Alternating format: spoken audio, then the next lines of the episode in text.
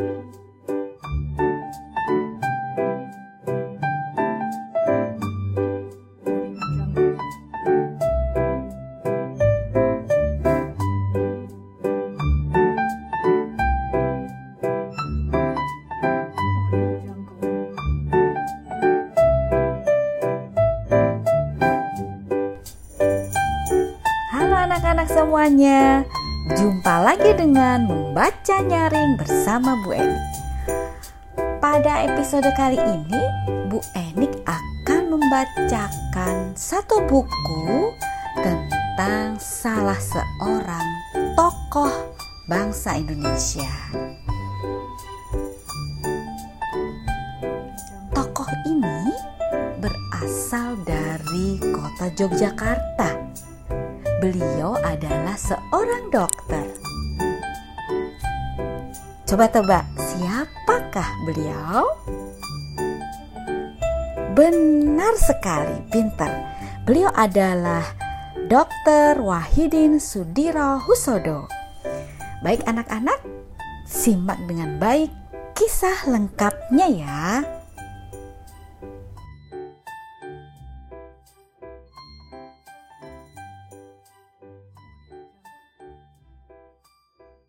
Wahidin Sudiro Husodo, sang dokter bangsa.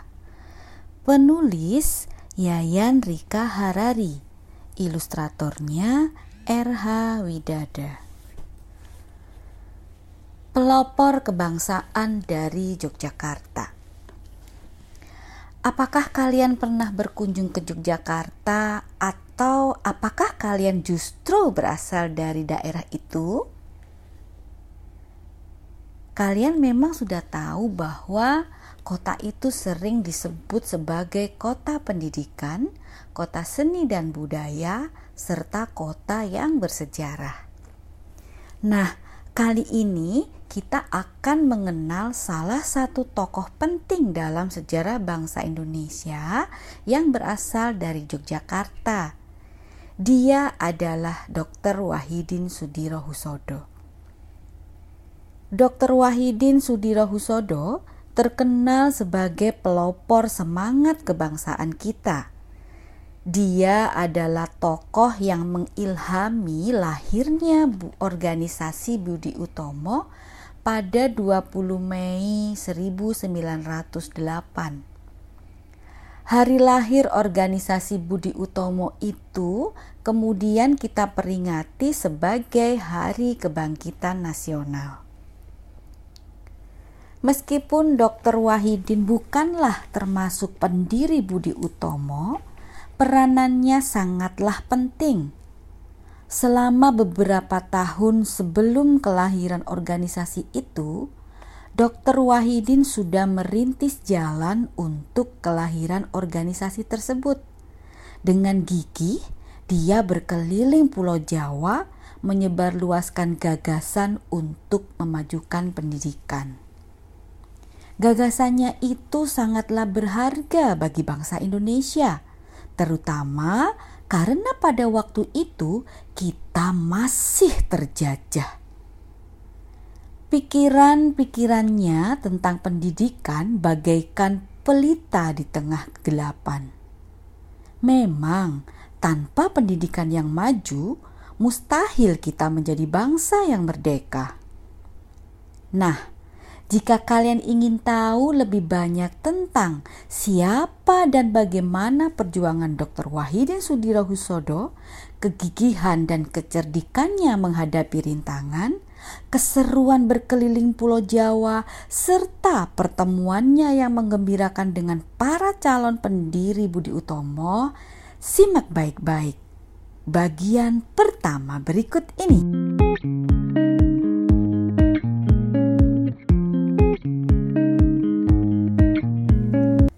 Wahidin si anak sekolah.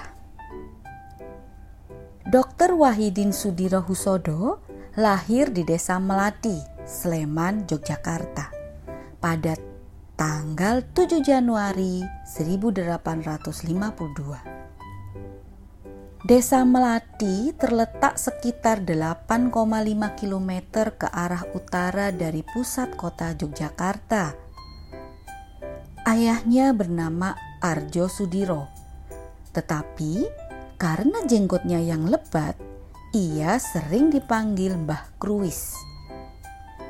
Dokter Wahidin adalah anak kedua dari dua bersaudara. Ia mempunyai seorang kakak perempuan. Keluarga Arjo Sudiro cukup terpandang di desanya. Konon, mereka berasal dari Bagelan, Jawa Tengah.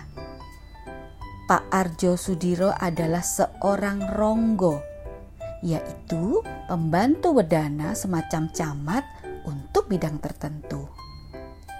Dalam menjalankan tugasnya, seorang ronggo mendapat hak mengelola tanah yang disebut tanah lungguh atau lahan tanah sebagai imbalan atas kedudukan.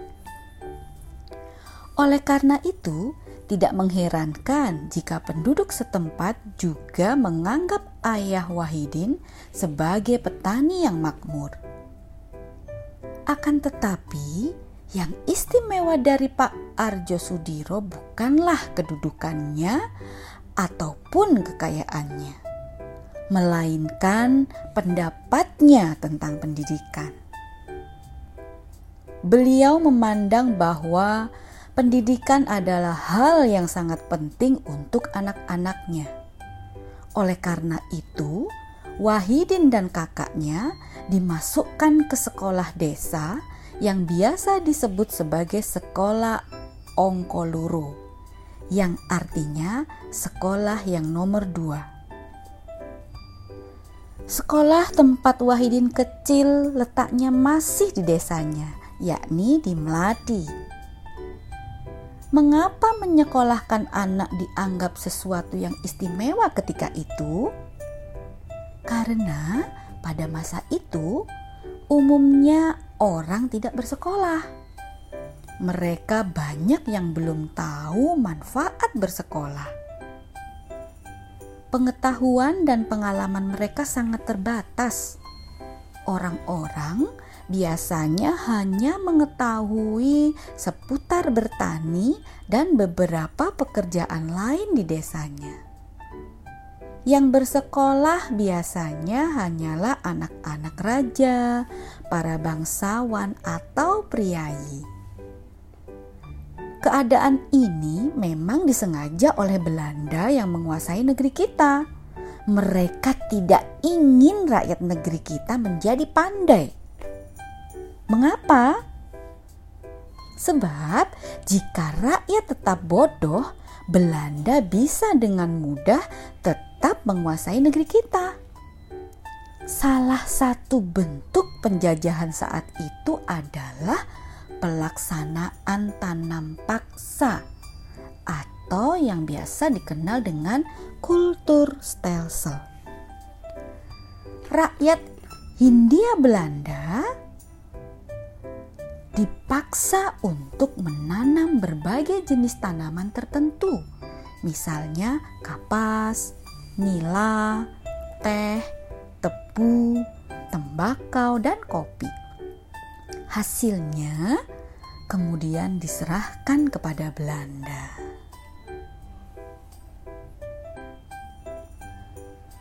Belajar di sekolah Ongkoluru di sekolah dasar Ongkoloro itu, Wahidin kecil belajar membaca, menulis, dan berhitung. Sekolah itu didirikan oleh pemerintah kolonial atau penjajah sekadar untuk memberantas buta huruf. Masa belajarnya tiga tahun. Sekolah itu khusus untuk anak-anak bumi putra seperti priayi kecil, petani, dan buruh. Mereka bisa bersekolah setelah berumur tujuh tahun.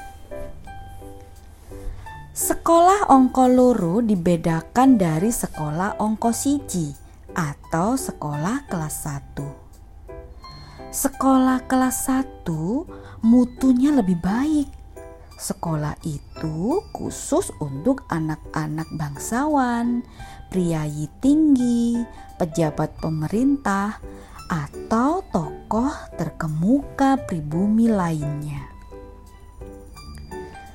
Setelah masuk sekolah, mulailah tampak kepandaian Wahidin. Ia dapat menerima pelajaran dengan cepat, bahkan menjadi murid terpandai di kelas. Kepandaian Wahidin membuat guru-gurunya terkesan. Mereka kemudian memberi saran kepada ayah Wahidin agar putranya melanjutkan pendidikan ke sekolah yang lebih tinggi. Anjuran guru-guru itu diterima dengan baik oleh ayah Wahidin. Hal itu sangat sesuai dengan keinginannya.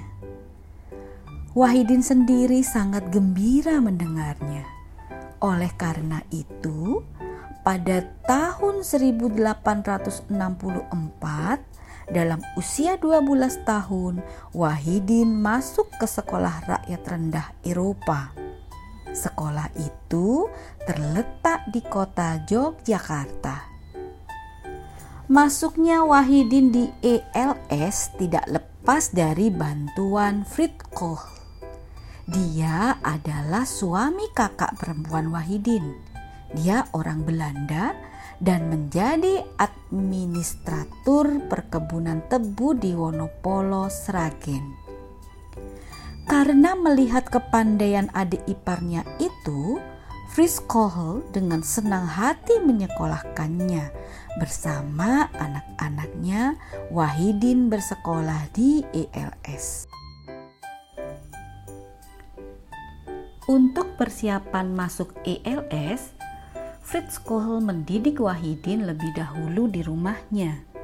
Dia khawatir Wahidin tidak bisa diterima di ELS jika tanpa dibekali pengetahuan tambahan lebih dulu. Tanpa peran Fritz Kohl, Wahidin mungkin tidak bisa masuk ELS. Karena ILS adalah sekolah khusus bagi anak-anak Eropa.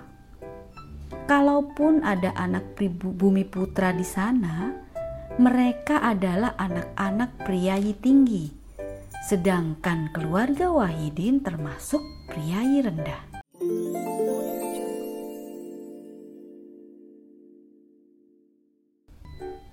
Belajar di sekolah dasar Eropa. Di ELS, Wahidin diakui sebagai anak yang pandai. Padahal banyak orang Eropa di ELS mengira bahwa anak-anak pribumi itu pastilah bodoh. Anak-anak itu sering diejek jika tidak bisa menjawab pertanyaan di kelas. Mereka dicibir, "Kamu inlander atau pribumi bodoh. Tepatmu bukan di sini." tetapi di kampung sana. Bukan hanya karena masalah pelajaran saja anak pribumi sering direndahkan, melainkan juga cara berpakaian mereka pun sering dijadikan bahan ejekan. Mereka diejek karena saat di sekolah memakai surjan, kain bawahan, ikat kepala, dan bertelanjang kaki. Wahidin pun tak luput dari ejekan seperti itu. Sebagai anak priayi kecil, ia sering diremehkan dan dianggap bodoh. Akan tetapi, Wahidin tidak merasa gusar diejek. Dia tetap belajar dengan tekun.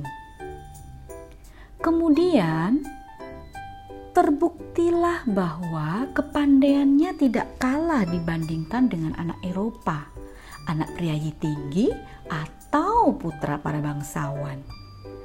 Wahidin dapat menerima pelajaran dengan baik dan menyelesaikan sekolah dasar ILS-nya.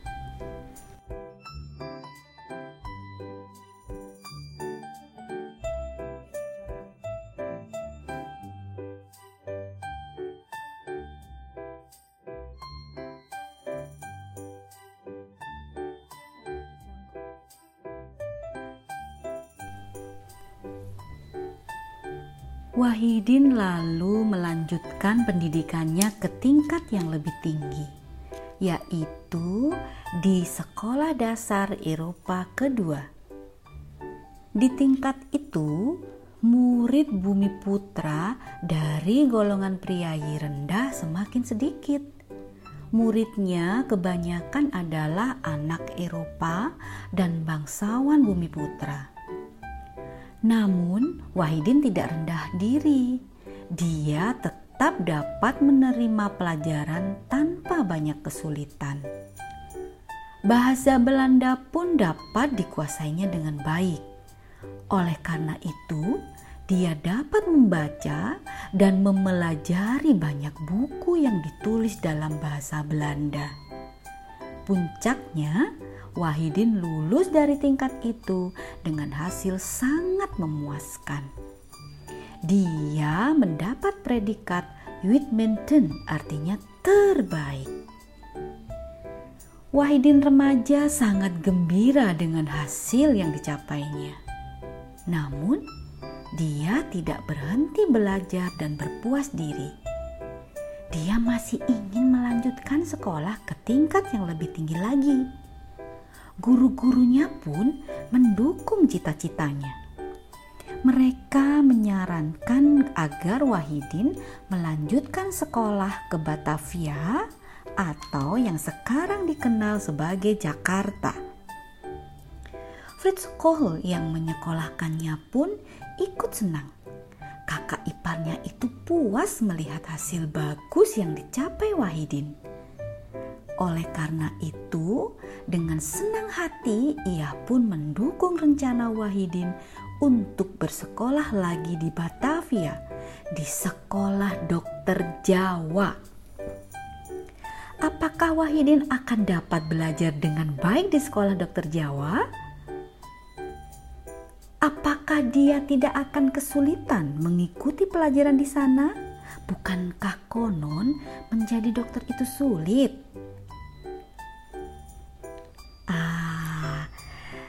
Menurut kalian bagaimana anak-anak? Mampukah Wahidin menyelesaikan sekolah kedokterannya? Kalian akan mendengarkan jawabannya pada pertemuan berikutnya.